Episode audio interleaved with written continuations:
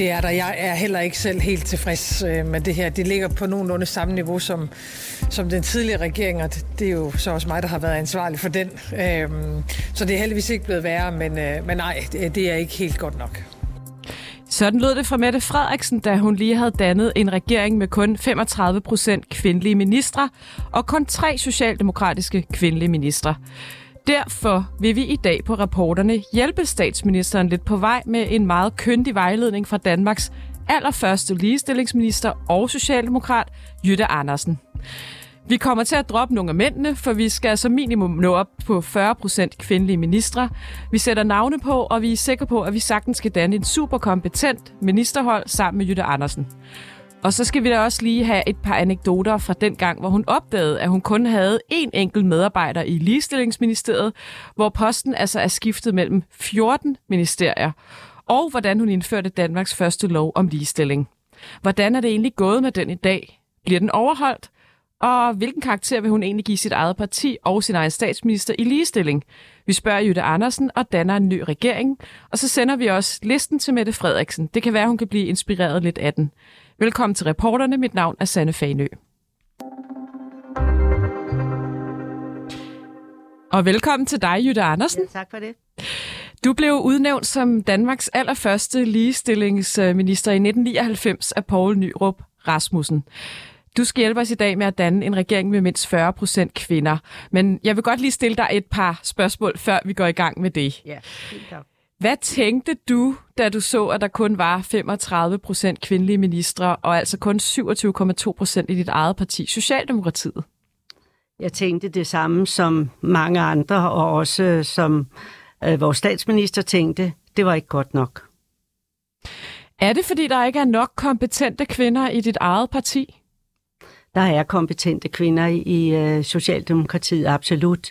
Men øh, der er også mange øh, kompetente mænd, og øh, der er det så et valg, en øh, statsminister må foretage, hvilke kompetencer og hvilke folk passer til de forskellige områder. Så det, øh, det er jeg relativt tryg ved, men det er ikke godt nok på kvindesiden. Hvorfor er det så svært, tror du, at finde den her øh, balance? Ja, men nu har jeg jo selv siddet og skulle øh, udfordre mig selv i at finde ud af, hvordan jeg kunne anbefale en, øh, en mere ligeværdighed. Øh, og det er svært, fordi der både er kvalificerede kvinder og mænd.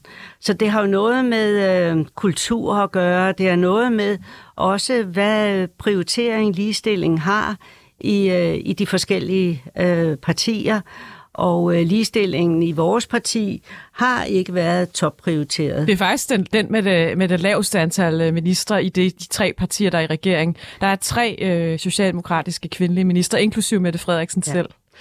Det er også det, der er så pinligt, og det er også derfor, jeg gerne vil give nogle gode råd til, hvordan det kunne have set ud. Det gør vi i dag. Ja. Øhm, men først skal vi altså lige høre lidt om din baggrund, fordi da Poul Nyrup øh, Rasmussen udnævnte dig som Danmarks første ligestillingsminister, hvad tænkte du så? Jeg var glad. Jeg var rigtig glad, og jeg var rigtig stolt.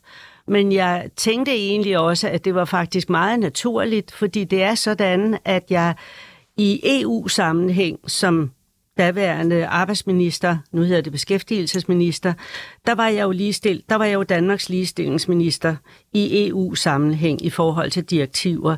Jeg var også Danmarks ligestillingsminister i relation til Nordisk Råd-samarbejdet. Så det var faktisk kun i Danmark, jeg ikke var øh, ligestillingsminister, men det var så statsminister. Du var arbejdsminister dengang. Jeg var arbejdsminister dengang fra ja. ja, i fem år, ikke?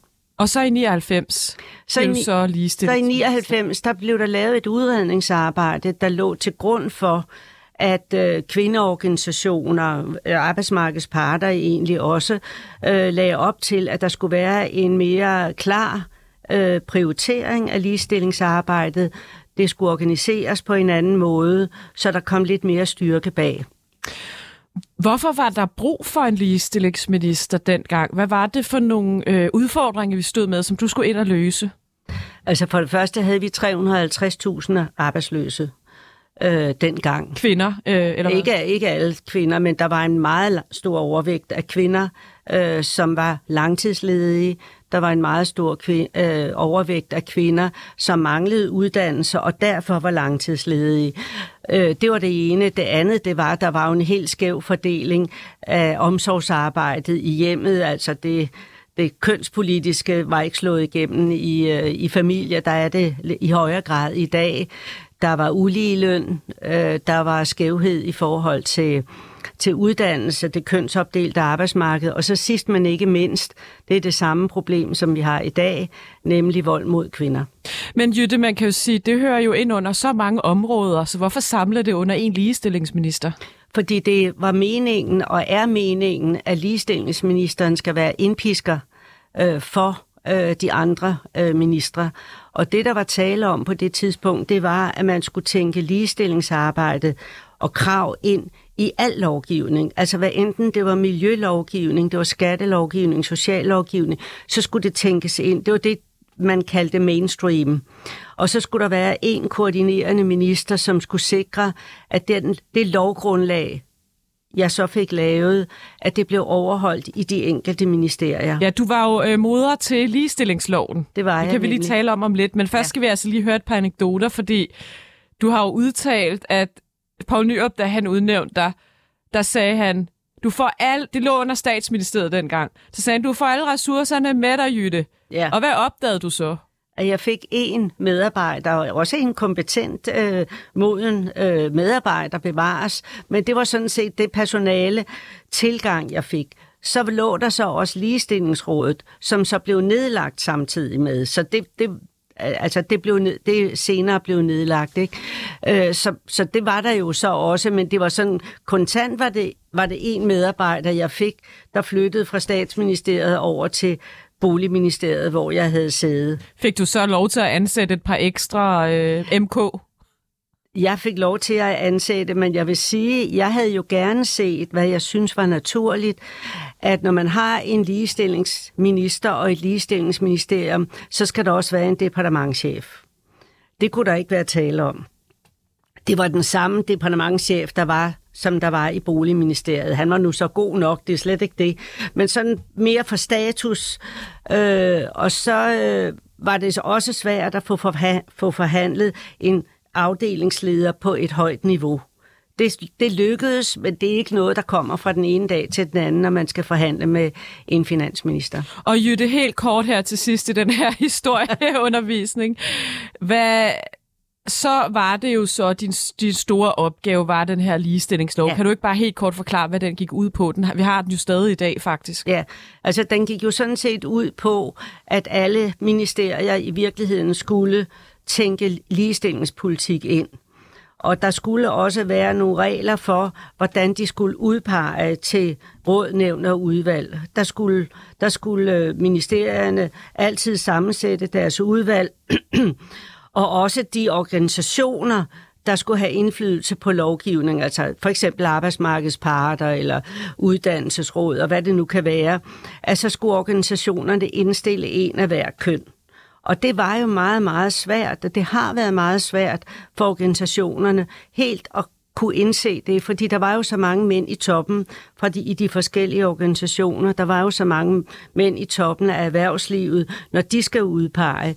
Så det var først, da de begyndte at stramme lidt op på den, at man så fandt ud af, nå ja, det var måske, der var jo også nogle kvinder, der faktisk var øh, kvalificeret, så man trykkede sådan set statsadministrationen til at kigge sig om og se de mange kvalificerede kvinder, der sad i mellemlederjob eller bare i almindelige job, som man kunne løfte og så give medindflydelse på den lovgivning og det Og samfund. det er jo sjovt, for det er jo den øvelse, øh, vi også skal ud i nu, fordi der kommer jo nemlig et EU-direktiv, som Folketinget skal vedtage, ja. Ja. hvor man jo vil have mindst 40 procent øh, kvinder i bestyrelser i erhvervslivet. Ja. Og det, det er bare lidt paradoxalt, når Folketinget skal sidde og vedtage den, så kan de ikke engang finde ud af det i øh, den regering, de sig selv øh, hvad hedder det, udpeger. Og det er jo det, du så skal hjælpe os nu med. med nu, Jytte Andersen, ja. Vi går lige videre i teksten. Ja. Du har en masse lister øh, liggende foran Ja, ja, med navne jeg, og det ene og det andet. Vi, Ja. så vi, om lidt, så sammensætter vi simpelthen ja. En ny regering ja. Ja. i Danmark. Ja, Jytte Andersen. Ja. Øhm, vi skal altså have en regering øh, dannet med 40 procent, mindst 40 procent kvinder. Du har listen med ministerholdet foran dig, og du har listen med navne Ja. på kvinder i de tre partiers folketingsgrupper. Ja. Du må også godt tage kvinder med udefra. Det ved jeg, at du ikke bryder dig om, så det kommer du vist ikke til, så vidt jeg forstår. Det er værst i dit eget parti, Socialdemokratiet, der er 27,2 procent kvinder, mm. og om lidt skal Folketinget altså vedtage den her EU-lov om, at der mindst skal være 40 procent kvinder ja. i bestyrelser og på direktørposter i erhvervslivet. Regeringen kan ikke selv leve op til det. Lad os begynde med dit eget parti. Der er kun tre kvindelige minister, og det er altså inklusiv Mette Frederiksen selv. Her skal du finde to ekstra kvinder for at nå op over 40 procent.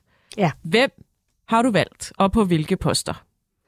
Jeg har valgt, at øh, Lea Wermelin skal have lov til at arbejde med klimapolitik, som hun har gjort fremragende de sidste snart øh, tre år.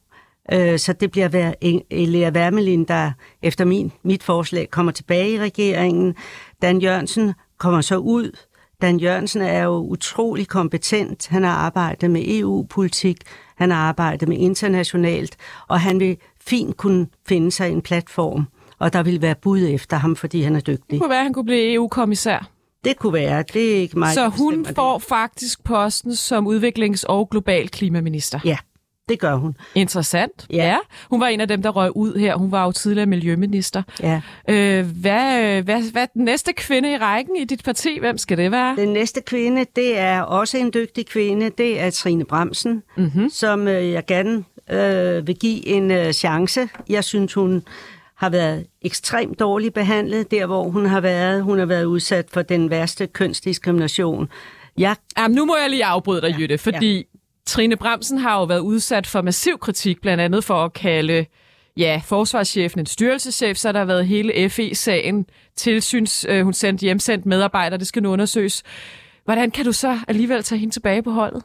Jamen, det, det kan jeg. Altså, hun har jo fået fra et, et tilsyn ved forsvaret, har hun jo fået en meget skarp kritik af medarbejdere i Forsvarsministeriet, øh, lige i starten af hendes øh, karriere, ikke? Som minister. Og der siger jeg, hvis hun ikke havde fulgt den, så havde hun fået lige så meget kritik, som hun har nu, bare fra nogle andre. Altså, hvis hun ikke havde hjemsendt Hvis de her hun ikke havde hjemsendt den, og i hvert fald det skulle undersøges og sådan noget. Og, og, og det har jo været det samme med, med, med, øh, med, med, med Finsen, som, øh, som selvfølgelig er en spektakulær sag. Tidligere FE-chef Lars chefen. Finsen, som Så- jo er ja. tiltalt. Men, men når man ser på, hvad det er for en butik, hun har overtaget fra Claus Hjort Frederiksen, hvor der var medarbejdere, der sad og fandt ud af, hvordan de kunne lave indkøb, så de selv kunne få nye carporte og, og havekidre, og jeg ved ikke hvad. Det blev jo undersøgt, og det er jo så også stoppet. Så hun har jo overtaget et system, som i den grad har været inficeret af den holdning, at mænd var de bedste, og inficeret af, at hvis der var problemer, så skulle man ordne dem sådan i hjørnet. Og det har Trine ikke været, været, været klar til, og det mener jeg heller ikke er rigtigt at bare ordne sagerne sådan mindeligt. Hvis man har lavet Altså, nogle du fejl- taler om, at nogen har sagt, hun skulle have håndteret det anderledes. Ja. Der skulle ikke have sendt en pressemeddelelse ud, man skulle ikke have hjemsendt Ja. ja. og så videre. Der synes du, hun har handlet præcis, præcis som hun skulle, eller hvad? Det synes jeg, hun har handlet præcis som hun skulle. Jeg erkender, hun så måske har taget en kamp, for eksempel det der med styrelseschef, øh, og en styrelseschef kontra forsvarschef. Altså, det er jo en ordkamp, fordi han er en styrelseschef. Øh, men hvis det er vigtigt for ham at, at blive kaldt forsvarschef, så fred med det. Så det, det har været som måske en kamp, hun kunne have undgået. Men, men ellers så synes jeg faktisk, hun har håndteret det rigtig, rigtig godt. Men hvis du skal sætte dig i Mette Frederiksens sted, en, en minister, der har været så meget kritik af, så kan man måske godt forstå, at man tænker, det er nemmere, øh, at hun ikke sidder i Ja. regeringen længere. Ja, det kan godt være, men altså hun har jo gjort det fremragende som ligestillingsminister. Øh, hun har gjort det fremragende som øh, transportminister. Nu har der ikke været så meget sådan store forlig og sådan noget. Men der, der har jo været fred på banen, øh, efter hun er kommet over i traf- Så, så, så, lad os, så må, skal vi jo selvfølgelig lige høre dig, hvilken post skulle hun så have? Jamen det, jeg synes, hun skulle have, det er, at hun skulle ind på... Øh, at være, altså jeg vil gerne have, hun skulle, at, jeg, at det skulle være Tess Feje, der skulle ud, og så Trine Bremsen ind.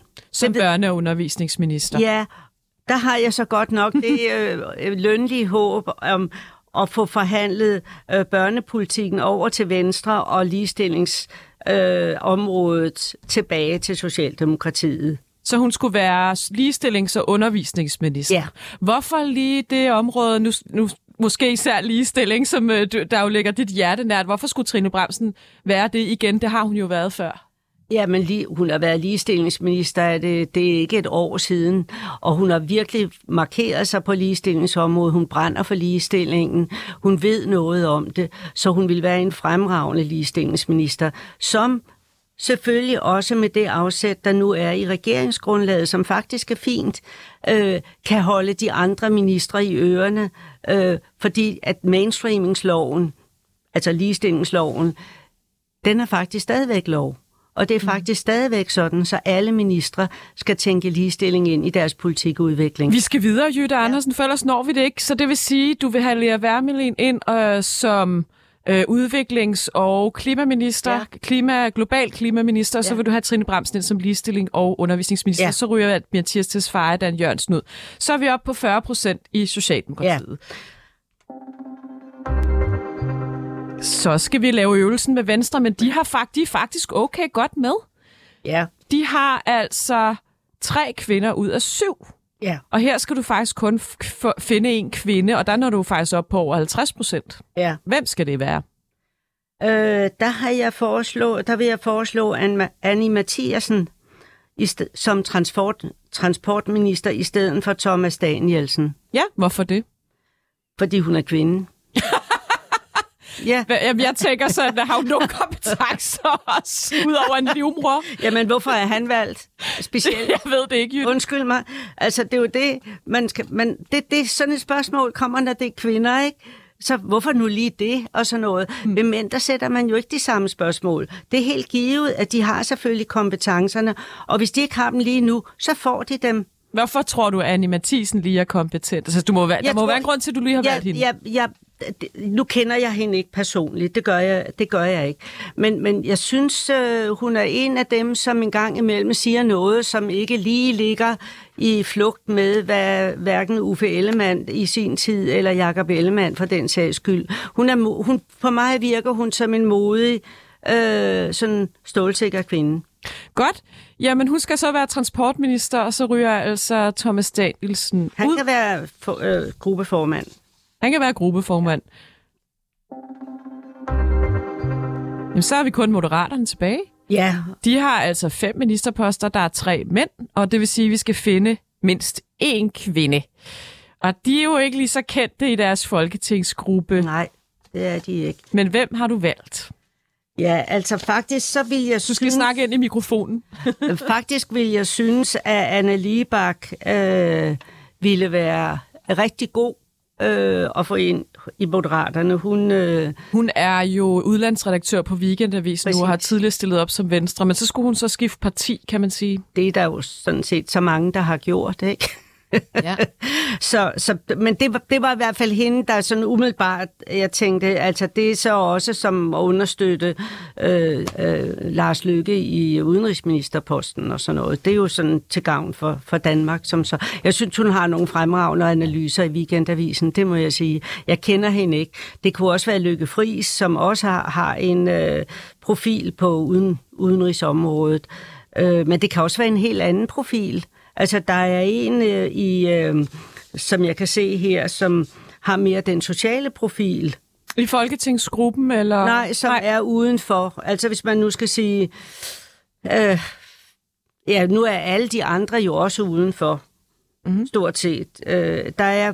Hvad er der? Ma- Ja, Christina Elund og hvad hedder det, Lars... Øh, hvad hedder han? Lars Lykke, han har også været med før, ikke? Og så Jakob Engelhardt. Engel, Engel, Lars, Å, Lars Ågaard og Christina Elund er begge to valgt ude, ude Ja. fra Folketingsgruppen. Men ja. Christiana Egelund har jo været folketingsmedlem, ikke? Jo. Det har hun sådan set Så der, der vil du tage enten Lykke Friis eller Anna Libak ind udefra. Hvad for en ministerpost tænker du, en af dem i så fald skulle have? Ja, det er jo lidt svært. Det er lidt svært. Det kunne være klima og energi. Det kunne det være. Det kunne Lykke Friis kunne godt tage øh, Det kunne det godt være. klimaområdet, ja, ikke? det kunne det godt være. Klima, ja. energi og forsyning. Ja. Men hvis det nu var en fra Der er også kulturområdet. Ja. Anna Libak kunne da være en fremragende kulturminister. Mm, Jeg tror, hun har været litteraturredaktør på Weekendavisen ja. en gang. Der, der, vil jeg, der vil jeg synes, Lykke Friis var, var, var, var lidt øh, mere spændende på den post. Det vil jeg sige. Men hvis man nu skulle tage en med, med fra, fra Folketingsgruppen, øh, hvis, altså mit princip er sådan set, at man skal helst ikke tage nogen udefra. Hvorfor egentlig? Det skal i hvert fald være nogen, der kender Folketinget, og det gør Lykke Friis jo. Altså, det, det, er, det er ikke nogen... Øh, vi har ikke mange gode erfaringer med, at ministre, der kommer direkte udefra, øh, klarer sig godt. Men Lykke Friis kunne være et bud. Lykke Friis kunne være et bud. Så har vi faktisk dannet en ny regering, Jytte Det har man. Tillykke, Danmark. Ja, tillykke, tillykke med flere kvinder, og så med en opsang til, at nu må ja, mit eget parti øh, skærpe opmærksomheden til næste valg. Tak for hjælpen, Jytte. Velbekomme. Nu har vi dannet en regering, og vi har få minutter tilbage. Lad os lige kort tale om fremtiden. Øhm, ligestillingsministerposten har skiftet område eller ministerium 14 gange. Øhm, hvordan synes du selv, det går med det? Ja, men det har jo været meget hårdt for de medarbejdere. Jeg kender jo nogle af dem stadigvæk, og det er hårdt at skifte. At skifte minister, det kan være sin sag, men at skifte område, det, det er svært for dem. Og jeg håber sådan set, at man kan finde et ministerium, hvor det er vedblivende. Jeg er, ikke, jeg er ikke tilhænger af, at det skal være et selvstændigt ministerium, fordi det vil komme helt langt ned i statsrangfølgen. Men jeg er sådan set mest tilhænger af, at det skal, det skal ligge i Beskæftigelsesministeriet, hvis jeg skal være helt ærlig. Og så er der jo ligestillingsloven, som du selv fortalte om lige før. Hvis du skal give et godt råd til henholdsvis Marie Bjerre, den nye ligestillingsminister, og Mette Frederiksen, statsministeren, hvad skal de så gøre? Fordi jeg ved, du mener, at den på ingen måde bliver implementeret i dag. Den bliver ikke im- implementeret særlig præcist i nogle ministerier. Det, kan, det, kan man, det, vil jeg, det vil jeg godt lægge hånden på kogepladen Så hvad på, skal de ikke? gøre? Jamen, de skal kigge den igennem, og de skal overholde den. Øh, Så enkelt er det. De skal sørge for, hver gang de udpeger til råd, nævn og udvalg, og stiller krav til virksomhederne om deres øh, bestyrelser og så videre. Det, det skal være, det skal være, der skal være nogle helt andre boller på suppen, og der skal være mindst 40 procent hver køn. Man kunne måske også stille dig øh, djævelens advokatspørgsmål, Jytte Andersen. Er vi ikke nået så langt med ligestilling i dag, at der er måske slet ikke er brug for den længere? Altså, øh, kører det ikke af sig selv nu? Der er intet i denne her verden, der kører af sig selv, og slet ikke på ligestillingsområdet. Det er det ikke. Og jeg synes også, man skal kigge på ligestillingsområdet som et særskilt politikområde, og være varsom med, at man blander det sammen med øh, det ligestillingskrav, som LGBT-personer med rette har. Nu er vi forgangsland på LGBT-området, så det er rigtig godt. Men altså, kvinder er halvdelen af befolkningen. Det er LGBT-personer, trods alt ikke. Og derfor er det to forskellige diskussioner, og det vil jeg meget håbe på, at man prøver at kigge på problemstillingerne øh, på hver sit område. Og du synes, det bliver blandet sammen nu? Du vil godt have det adskilt? Ja, det vil jeg faktisk gerne. Jeg, jeg er lige optaget af begge, men jeg synes, man blander det lidt for meget sammen.